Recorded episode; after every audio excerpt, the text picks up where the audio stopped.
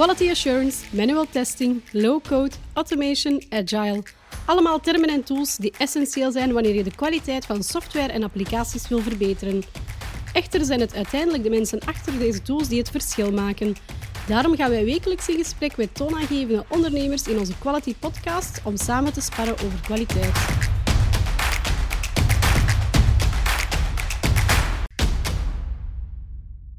Welkom bij een nieuwe aflevering van de Quality Podcast, waarin we het telkens hebben over kwaliteit.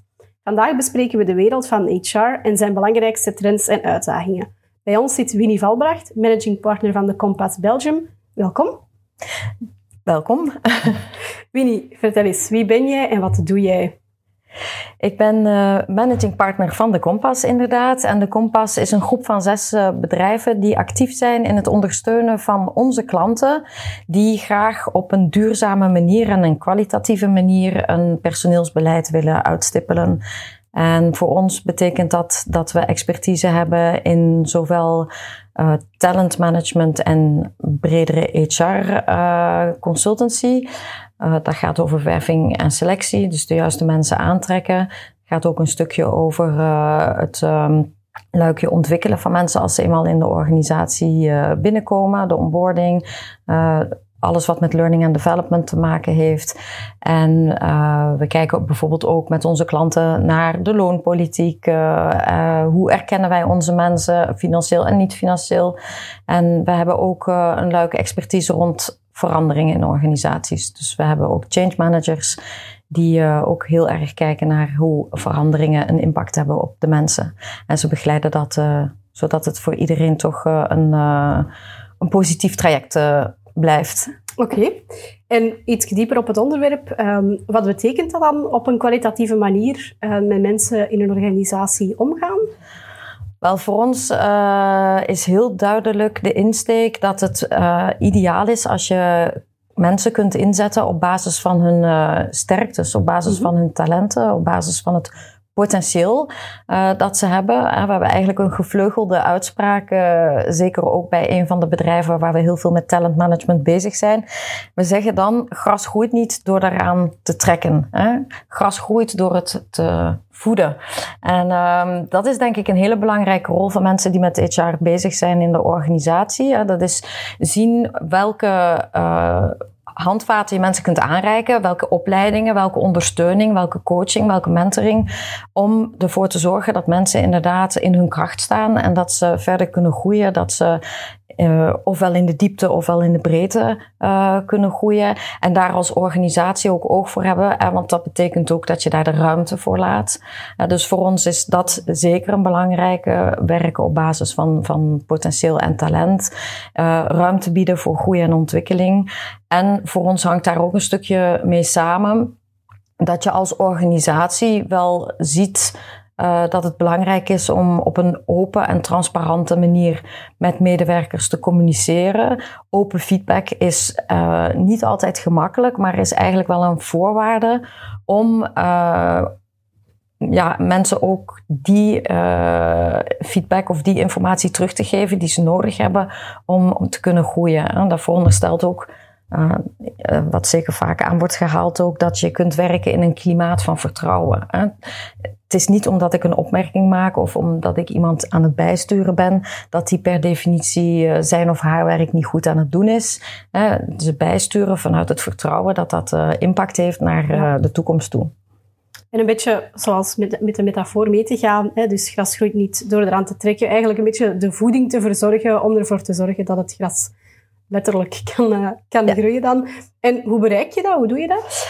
Um, wel een aantal uh, aspecten waar je zeker uh, op moet letten en waar we met onze klanten op ingaan. Hè. Dat is um, begint eigenlijk bij de start wanneer je op zoek gaat naar de juiste mensen om een bepaalde functie of een bepaalde rol op te nemen in de organisatie. goed kijken naar wie zijn de mensen die wij voor ons hebben, waar uh, uh, zitten hun uh, sterktes, hun expertise, hun ervaring, wat leert mij dat over hun potentieel naar de toekomst toe. Dus um, het is zeker interessant om met een bepaalde vorm van een assessment aan de slag te gaan. En dat kan op heel diverse manieren. Je kunt mensen in kaart brengen door te kijken naar wat zijn hun waarden. Uh, je kunt gaan kijken naar wat zijn de motivatoren voor die mensen. Wat zijn de dingen waar ze energie van krijgen. En daar zijn ook assessments en tools voor om uh, in te zetten tijdens uh, een selectieprocedure. wij kijken ook als de klant daar ook um, naar vraagt naar cognitief talent. Dus op welke manier um, zijn mensen eigenlijk van nature uit toegerust om bepaalde taken op te nemen. Uh, om een voorbeeld te geven, uh, wij kijken bijvoorbeeld naar uh, inhibitie. hebben mensen een hoge of een lage inhibitie? Inhibitie betekent van ben je iemand die heel snel reageert en snel allerlei informatie oppakt, of ben je iemand die eerder alle informatie tot zich neemt en dan pas een gefundeerde uitspraak doet. Afhankelijk van de functie naar waar je uh, solliciteert of waar je voor in gesprek bent, uh, kan het heel nuttig zijn om een hoge inhibitie te hebben of een lage. Dus niks is verkeerd. Hè, maar het zijn wel dingen waar wij naar kijken ja. om uh, in te kunnen schatten van welke soort taken zullen iemand van nature eigenlijk wel gemakkelijk afgaan. Um, dus dat zijn een aantal aspecten rond assessments hè, die uh, er zeker toe kunnen leiden dat je al goed van tevoren weet hè, met welke uh, sterktes je aan de slag kan gaan in de organisatie. Wat zijn eventueel de aandachtspunten, ook ten opzichte van de andere mensen met wie wordt samengewerkt in een team. Um, het is soms ook goed om een vrij divers team te hebben, waarbij de ene bepaalde talenten of motivatoren in een bepaalde richting heeft en een ander in een andere richting, dat daardoor een mooi evenwicht ontstaat. Um, assessments doen wij ook uh, in organisaties waar bijvoorbeeld mensen door een politiek van interne mobiliteit op nieuwe functies ingezet kunnen worden. We doen ook vaak development centers, waarbij je uh, eigenlijk met bijvoorbeeld een, iemand die start als teamlead um, aan de slag gaan om te kijken van wat betekent het eigenlijk om uh, mensen leiding te geven en wie ben jij zelf als leidinggevende? Waar zitten jouw sterke punten? Waar zitten jouw valkuilen? Als je die kent, dan kun je daar ook rekening mee houden als je mensen aanstuurt. Dus um, dat is zeker ook een belangrijk element. Um, regelmatig met collega's in gesprek gaan is uh, belangrijk. Hè? Wat gaat er goed? Waar lopen mensen tegenaan? Hoe kan je helpen als uh, leidinggevende, als collega, als medewerker? We vinden het ook belangrijk dat in organisaties die feedbackgesprekken informatie meenemen die uit verschillende hoeken komt. Want ik als leidinggevende werk misschien niet dagdagelijks met de collega's uh, die bijvoorbeeld bij een klant zitten of die uh, tijdelijk in een project gedetacheerd zijn waar ik zelf minder mee bezig ben. Dus het is ook belangrijk om feedback van andere collega's in kaart te kunnen brengen. En dat zijn ook, um, daar zijn systemen en platformen voor ook om al die informatie te verzamelen en mee te nemen als je in gesprek gaat met een collega over de dingen die er op dat moment spelen. Um, en kijken natuurlijk van oké, op welke manier kunnen we helpen? Kunnen wij eventueel een bepaalde vorm van mentorship voorzien? Kunnen we eventueel bepaalde opleidingen voorzien? Uh, wat zijn de competenties op basis waarvan wij mensen beoordelen, is ook belangrijk om goed te weten. En we merken dat er heel veel organisaties zijn die dat eigenlijk niet zo heel duidelijk in kaart hebben gebracht. Dus nou, wij komen uit de consultancy, dus je hebt uh, gradatie junior, medior, senior. Ja. Maar um, soms is het niet heel erg duidelijk op basis van welke gedragsindicatoren bijvoorbeeld je iemand kan beoordelen. Ja. Hè? En ook zeker als je aan collega's vraagt van, hè, vind je dat deze persoon gegroeid is in zijn of haar job of in zijn of haar rol? Dat is soms moeilijk aan te geven op welke punten precies. Hè? Als je daar heel duidelijke informatie hebt over dit en dat zijn de competenties en dat en dat en dat zijn de gedragsindicatoren. Dat helpt wel om ook gezamenlijk met elkaar eigenlijk die feedback uh, uh, ja, een, richting te geven. Nou, het is niet zo heel erg gemakkelijk. Je hebt natuurlijk ook altijd mensen die snel tevreden zijn. En je hebt er anderen die kritisch zijn. En ja. een beetje net als op school. De ene prof zal nooit uh, een 20 geven. Uh, en bij de andere weet je dat je die toch, uh, toch kan halen. Dus daar moet je ook een beetje rekening mee houden. Dus het is ook wel belangrijk dat als je um, op een ja, positieve manier feedback wil geven. Maar ook op een gefundeerde manier. dat er ja, toch een bepaald kader voor is in de organisatie. Um, en dan ja, denk ik ook dat het belangrijk is voor iedereen, naast op basis van welke competenties werken wij, ook wat is de missie en de visie van de organisatie? Wat zijn de doelen die wij hebben? Wat zijn de resultaten waar wij uh, naar streven? En dat is ook een rol voor leidinggevenden om daar ja, duidelijke bakens uh, te zetten. Um, en er ook rekening mee te houden dat dingen kunnen veranderen. Er ook rekening mee houden dat mensen fouten kunnen maken. Um, maar dat het niet is omdat je één keer in de fout bent gegaan, dat we dat niet kunnen herstellen of dat we daar niet van kunnen leren. Dus dat is eigenlijk ook een stukje de positieve ingesteldheid. En de persoon zelf ook. Hè? Dus uh, ja. zowel als bedrijf als werknemer, je leert er uh, beide van, denk ik. Hè, absoluut, absoluut. Dus um, ik denk dat uh, daar ook weer, hè, als er een, een cultuur van vertrouwen is en, en openheid. Hè, dat het ook iets gemakkelijker is om zelf over de brug te komen als je zegt, ja, dat heb ik eigenlijk verkeerd ingeschat. Of daar heb ik eigenlijk ondersteuning in nodig. Hè. Eigenlijk is het heel positief als mensen zeggen van ik kan dit eigenlijk op dit moment nog niet volledig zelf. Of ik twijfel, uh, ik heb input nodig van collega's. Dus, um, Beter vragen dan, dan uiteindelijk toch een fout maken. Dus beter de mogelijkheid geven en het vertrouwen of het gevoel van vertrouwen geven. Van kijk, je kan dingen vragen als het, uh, als het nodig is. Ja, ja. Absoluut, absoluut. En uh, ik denk, ja, je zult zelf ook wel zien dat er organisaties zijn waar zo'n open cultuur heerst en waar dat vrij gemakkelijk is. En er zijn andere organisaties die uh, misschien nog ja, meer hiërarchisch werken en een beetje meer old school georganiseerd zijn. Waarbij je eigenlijk het gevoel zou kunnen hebben dat uh, als je fouten maakt, ook geen promotie kan maken, bijvoorbeeld. of dat dat vrij snel afgestraft wordt. Ja. Um, en ja, ik denk dat dat op een gegeven moment uh, eerder contraproductief werkt. Ja. Um, dus voor ons wel heel erg belangrijk inderdaad om... Uh, ja, als je met mensen bezig bent in de organisatie, hè, dat je daar toch uh, ja, wel met uh, de nodige voorzichtigheid uh, mee omgaat Zeker. en goed nadenkt over wat zijn voor ons inderdaad de, de kernwaarden, wat zijn voor ons de, ja, ook de, de, paden die mensen kunnen bewandelen om uh, dingen bij te leren, om nieuwe verantwoordelijkheden op te pakken. Niet te snel, hè, maar uh, ook niet te langzaam. En je kunt dat vooral doen door in gesprek te blijven met mensen. Uh. Ja, je gaf het al een beetje aan. Hè. De, het vertrouwen is, is een beetje een, een zowel goed als een uitdaging. Hè. Het is een beetje beide. Zijn er zo nog uitdagingen die je tegenkomt uh, bij organisaties? Uh, ja, we, we zien en ja, dat komt ook vaak voor. Hè, dat bijvoorbeeld bepaalde individuen die eigenlijk heel veel kwaliteiten en potentieel hebben, hè, als je die samenzet in een team, dat het niet per definitie altijd goed uh, uitpakt. Hè. Of dat doordat er uh, gaandeweg nieuwe mensen bijkomen, andere mensen vertrekken, dat ja, in een samenstelling van een team, dat er uh, daar wel um, wel eens bijgestuurd moet worden. Dus dat is ook wel iets waar we zeker oog voor hebben. Het is niet alleen maar het.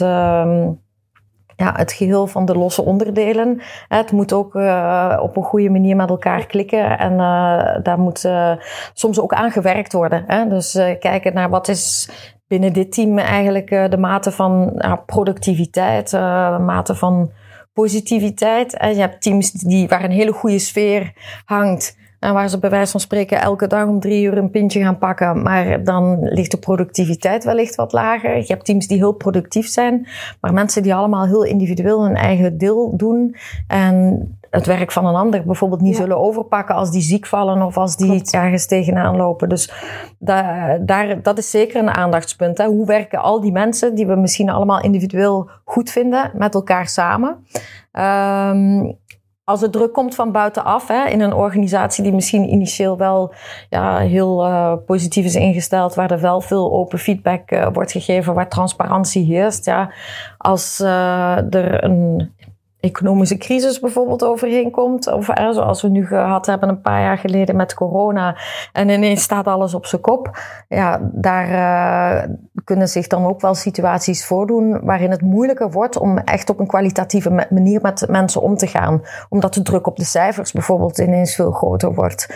En um, dat is ook altijd wel, denk ik, de de, de, de spanning in een organisatie. Wij werken veel met start-ups en scale-ups en we willen heel veel doen voor onze mensen. Het is ook belangrijk om de mensen te kunnen houden en ze te kunnen enthousiasmeren. Maar aan de andere kant moet er natuurlijk wel uh, een bepaalde omzet uh, gedraaid worden. Er moet werk geleverd worden. Er moet werk geleverd worden. Hè? Dus uh, die balans bewaren tussen enerzijds rentabiliteit en anderzijds op een kwalitatieve manier met mensen omgaan. Ja. Dat is niet zo heel gemakkelijk of heel vanzelfsprekend in alle situaties. Dus ja, dat, is best een uitdaging. Het vaak eenvoudig, maar als je naar de realiteit gaat kijken, dan merk je dat het soms toch balanceert. Allee, heel erg balanceert tussen die twee eigenlijk. En een mooie balans daartussen zoeken is uh, heel belangrijk, ja. denk ik. Wat wij ook um, vaak zeggen, hè, um, practice what you preach. Of geef uh, kandidaten die bij jou komen solliciteren en aan wie je ja, de mooie waarden schetst van de organisatie en de fijne sfeer en de opleidingsmogelijkheden en um, uh, de, de, mogelijkheden om zelf een stukje je eigen job in handen te nemen.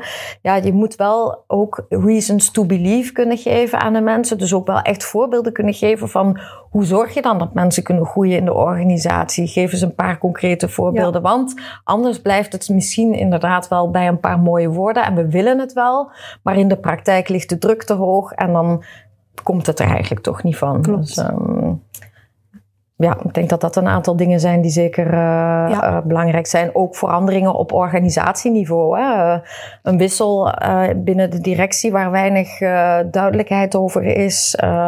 mensen in een bepaald team misschien die plotseling vertrekken en wat, wat onrust kan veroorzaken ja. in de rest van de organisatie. Spanningen. Ja. Voilà. Dus, dus het blijft, denk ik, altijd vinger aan de pols houden. Sowieso. Welke evoluties zie je daar nog voor in de toekomst? Vinger aan de pols houden zal er één van zijn. Ja. Welke zie je nog? Wij zien wel dat er heel wat organisaties zijn die meer en meer aandacht geven aan uh, het retentiebeleid. Hè. Dus, uh, en dat ook ondersteunen met behulp van bepaalde platformen of tools. Hè. In een kleine organisatie is het vrij gemakkelijk om vinger aan de pols te houden. Als je een grote multinational bent, hè, dan is het veel moeilijker om te weten wat er in alle geledingen van de organisatie leeft, bij alle mensen leeft. Dus dat veronderstelt uh, toch ook wel, um, ja, als je daarover wil gaan rapporteren, dat je daar uh, een een tool of een platform voor uh, inzetten. wij krijgen best wel wat vragen van organisaties die bijvoorbeeld hun performance management, dus het opvolgen, de evaluatiegesprekken, graag ook uh, ja, daar de data uit willen halen en daarover willen rapporteren. En dat is wel iets gemakkelijker als je een tool hebt. Een van de dingen die we ook zien, hè, interne mobiliteit. Er is natuurlijk heel veel beweging in heel wat markten. Uh, de technologie zorgt ervoor dat er uh, toch ook heel veel vraag is naar ja, nieuwe jobs. eventueel kijken binnen de organisatie wie de mensen zijn die die nieuwe jobs kunnen oppakken. dat wendbare aspect van organisaties in kaart brengen waar de competenties en de skills zitten in de organisatie. Dat is ook iets dat vaak wel wordt ondersteund door een talent management tool, waarin je inderdaad rapporteert de informatie uit evaluatiegesprekken meeneemt, aangeeft wie bijvoorbeeld in een project uh, als goede projectmanager naar voren is gekomen, ondanks het feit dat die persoon misschien nooit een projectmanagement titel heeft gehad of een projectmanagementopleiding. Maar het zou kunnen zijn dat ik zeg, ik heb met Cynthia in een project gezeten en die doet dat eigenlijk heel goed. Hè. Die houdt de budgetten goed in de gaten, die kan de stakeholders goed managen. Dan heb jij dat eigenlijk als een gevalideerde competentie, als een aantal mensen dat zeggen. En als dan in de toekomst in de organisatie er een projectmanager vertrekt, um, dan zou een platform, een systeem waarin je dat hebt gedocumenteerd, jou ook als persoon naar voren kunnen schuiven. Hè, omdat je het profiel hebt opgebouwd eigenlijk, dat voldoet aan een aantal uh, Ja, waar je anders misschien niet meteen aan zou, zou denken, dat dat niet direct naar boven popt van, ah, die heeft die en die zaken in het verleden wel gedaan onder de knie. Ja. Maar door zo'n tool dat daar even in te zetten van, ah ja, die persoon heeft vandaag dit gedaan, dat was goed of, ja. hoe dan ook.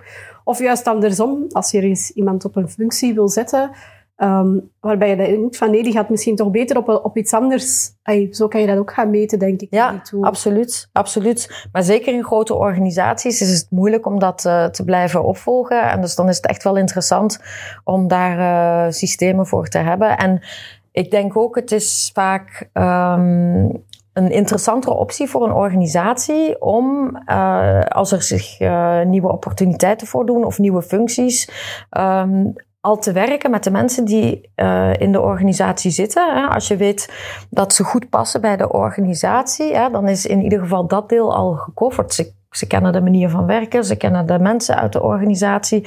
Uh, als zij een nieuwe rol oppakken, gaat dat waarschijnlijk sneller gaan dan wanneer je iemand van buitenaf Klopt, moet aanwerven. Zeker, die moet je nog opleiden en Ja. et cetera. Ja. Dus uh, dan merken we ook wel dat daar ook wel meer en meer aandacht is vanuit organisaties naar um, interne mobiliteit, retentie. Uh, proberen de mensen toch aan de organisatie te binden. Ook al weet je uh, dat tegenwoordig ten opzichte van bijvoorbeeld twintig jaar geleden uh, er nog maar weinig mensen zijn die uh, in een organisatie binnenkomen met het idee dat ze daar hun hele werkende leven zullen blijven. dus het feit dat mensen vertrekken, dat is gewoon ook een gegeven natuurlijk. Ja. Maar probeer ze toch ja, zo lang mogelijk te houden. Geef ze zoveel mogelijk mogelijkheden intern. Dan is de kans groot dat ze langer blijven. Ja. We hadden het net ook over een beetje de verschillen tussen, tussen vroeger en nu. Hè. Uh, merk je gaandeweg ook nog verschillen op tussen eigenlijk de verschillende generaties qua work-life balance, hoe dat zij ernaar kijken? Merk je dat op? Ja, zeker iets dat uh, heel actueel is ook. Hè. Bijvoorbeeld ook bij het recht op deconnectie, hè, wat heel actueel is nu met uh, de arbeidsdeal. Um, ik denk dat de mensen die zo nog geen dertig zijn, eigenlijk ja, hun deconnectie heel goed uh, onder controle hebben. Dus het zijn mensen die inderdaad um, misschien zelfs wel voorkeur geven aan een 9 to 5. Hè. Ik, ik, begin om 9 uur, maar om 5 uur is het gedaan. Ja. Ik trek de deur achter mij dicht en ik ga andere dingen doen uh, die voor mij waardevol zijn. Um, als ik kijk naar uh, mijn generatie, ik ben vijftiger. Ja, wij zijn eigenlijk mensen die onze werktijden misschien niet zo heel erg respecteren. Uh, gemakkelijk nogal eens wat uh, extra doorwerken. Uh, ja, het, het, werk moet af zijn, bij wijze van spreken. Terwijl jongere mensen zouden zeggen, als ik het niet afkrijg, ja, dan zal ik het wel signaleren. En dan kijken we of we het op een andere manier kunnen oplossen. Dus ik denk assertiever. Um, ik denk, um, ze zijn er beter toe in staat om hun work-life balance in de gaten te houden. En uh, ook ja, minder geneigd, denk ik, om uh, in de weekenden nog een keer door te werken. Hoewel het uiteraard ook wel gebeurt. Hè. Dus uh, dat is altijd een beetje zwart-wit. ik ben van de iets jongere generatie en daar kan ik inderdaad wel van meespreken. Dat ja, beetje het, het, werk moet af zijn. Ik ben ook nog een beetje, ondanks dat ik van de nieuwe, nieuwere generatie ja. ben, ben ik ook wel allee, van het idee van het werk moet gewoon, moet gewoon af zijn. En is dat dan om tien uur s'avonds? Ja, dan, dan is dat zo. Ja. Um, ja. ja, dus het is niet zwart-wit, maar eh, ja. in het algemeen merk ik wel dat er zo wel een aantal uh, tendensen zijn die je kunt aanwijzen en waar veel uh, collega's het ook wel over eens zijn. Hè? Dat het uh, inderdaad voor uh, de jongere generatie gewoon ook heel belangrijk is dat er tijd overblijft om andere dingen Klopt, te ja, doen. Ja, zeker en vast. Daar ben ik 100% mee eens. Maar ik denk dat dat voor iedereen zeker belangrijk is. Maar je merkt ook wel echt die, die verschillen tussen beide. Allee, verschillende generaties ondertussen. Dat inderdaad wij misschien iets meer gefocust zijn op... Er moet nog tijd overblijven om ook de leuke dingen van het leven te gaan ontdekken. Ja, dus, ja en wat ik ook zie, uh, hè, dat er uh, toch ook wel uh, jongere medewerkers zijn die er al iets sneller voor kiezen om een 4 5 te gaan werken. Om Klopt. op die andere dag eventueel een bepaalde hobby uit te bouwen en te kijken of ze daar professioneel iets mee kunnen doen. Dus um, dat zijn dingen die ik denk ik zo 15, 20 jaar geleden veel minder tegenkwam. ja, dan was het meer één, één ding waar er werd op gefocust. Ja. En nu zijn er meerdere dingen die er kunnen zijn, inderdaad in bijberoep of, Ja. of et cetera. Of een, of een bepaalde hobby, inderdaad, zoals je aangeeft, van waar we meer aandacht aan willen geven. Dus uh, daar volg ik je zeker in. Ik had als laatste vraag nog, wat zijn de drie belangrijkste uh, punten of zaken die je wilt meenemen uit de podcast of die je als tip wilt meegeven aan de luisteraar? Ik denk dat het uh, sowieso heel belangrijk is dat je als um, als leidinggevende uh, of als verantwoordelijke van een organisatie uh, luistert naar wat er leeft bij de mensen in de organisatie. En ik denk dat het als medewerker heel belangrijk is dat je inderdaad niet schroomt om je mening te geven. Um, in de hoop dan dat je in een organisatie werkt waar daar ook wel oor voor is. Maar uh, ja, twee weten meer dan één. En uh, heel veel mensen weten natuurlijk nog veel meer. Dus uh, de input die je krijgt van je medewerkers is super belangrijk. Ook om je diensten verder te laten evolueren. Um, dus luisteren naar elkaar. Um, kritisch blijven en, regelmatig ook scannen waar je organisatie staat. Hè? Want uh, er verandert gewoon enorm veel en heel snel. En uh, ja, waar je gisteren op dacht in te zetten, dat is morgen misschien niet meer waar. Dus uh, het is ook wel belangrijk dat je in de gaten blijft houden van waar kunnen de mensen, hè? wat kunnen wij samen in onze organisatie met elkaar bereiken. En hoe kunnen we samen inspelen op een aantal nieuwe noden of een aantal nieuwe tendensen die op een gegeven moment naar voren komen Um, en dan ten laatste, ik zou ook wel uh, blijven kijken als organisatie, ook als het gaat om uh, je. Um, omgang met, uh, met je medewerkers en de processen daar rond. Hè, of die nog wel zijn afgestemd op uh, de realiteit. Uh, is dat bijvoorbeeld nu heel vaak voorkomt, is dat organisaties zeggen van ja, die evaluatiegesprekken, moeten we dat nu allemaal zo formeel doen en rapporteren? Of is het niet interessanter om regelmatig op een informele manier met onze collega's in gesprek te gaan, uh, zonder dat we dat heel formeel aanpakken? Ja, dat zijn vragen die je moet blijven stellen. Dus dat uh, kan zijn dat het inderdaad op een gegeven moment voor de organisatie interessanter is om juist wel formeel te gaan rapporteren, omdat de organisatie groeit. Of je zegt nee, wij willen juist eigenlijk meer informeel, omdat ons dat veel meer toelaat om snel te schakelen. Dus uh, blijf altijd goed kijken of je processen afgestemd zijn op de realiteit. Dat is eigenlijk de laatste waar ik mee zou afsluiten. Oké, bedankt alvast. En uh, dan wens ik jou alvast nog een hele fijne dag toe. Ja, ik wens jou ook nog een hele fijne dag toe, Cynthia. Dank je wel.